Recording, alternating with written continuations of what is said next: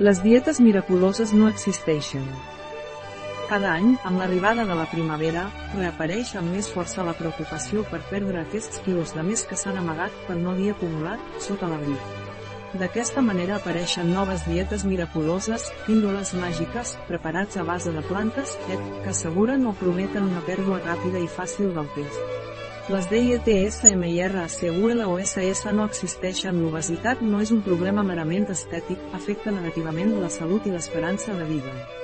Hi ha una sèrie de malalties associades a l'obesitat, com ara les cardiovasculars, la diabetis de tipus 2, determinats càncers, trastorns respiratoris i alteracions articulars, entre moltes altres. L'obesitat es pot definir com una acumulació excessiva de greix corporal. En la majoria dels casos, es presenta com a conseqüència d'un desequilibri entre la ingesta calòrica i la despesa energètica. Sense oblidar que també poden confluir altres causes, com ara factors genètics, hormonals o farmacològics. La prevenció és el millor tractament. El millor tractament de l'obesitat és la prevenció, és a dir, no permetre's engreixar-se. La prevenció ha de començar a la infància, educant els nens perquè adquireixin uns hàbits alimentaris adequats i promovent la pràctica d'exercici físic des de petits. L'exercici físic es considera molt eficaç per prevenir l'excés de pes i també per a la pèrdua de pes i contribueix a una millora del benestar físic i mental, no sempre és possible perdre tot el pes que sobra, però això no ha de ser motiu de desànim, només intentar-ho ja val la pena.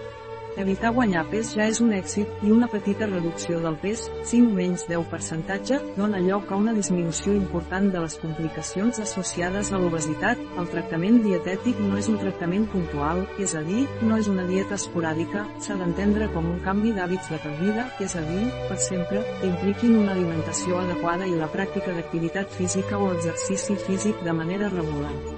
L'abandó de la nova manera d'alimentar-se de manera equilibrada implica amb el temps la recuperació dels quilos perduts. CUNSLL és evitar les dietes molt restrictives i les que prometen pèrdues ràpides.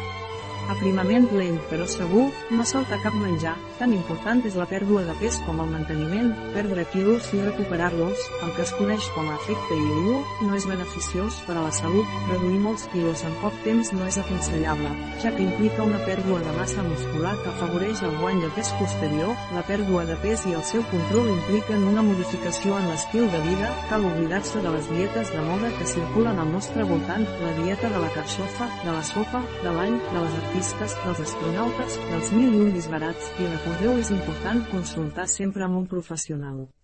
Un article de Catalina Vidal Ramírez, farmacèutica, gerent de Biofarma, és la informació presentada en aquest article no substitueix de cap manera l'assessorament d'un metge, qualsevol menció en aquest article d'un producte no representa el suport dels objectius de desenvolupament sostenible a aquest producte.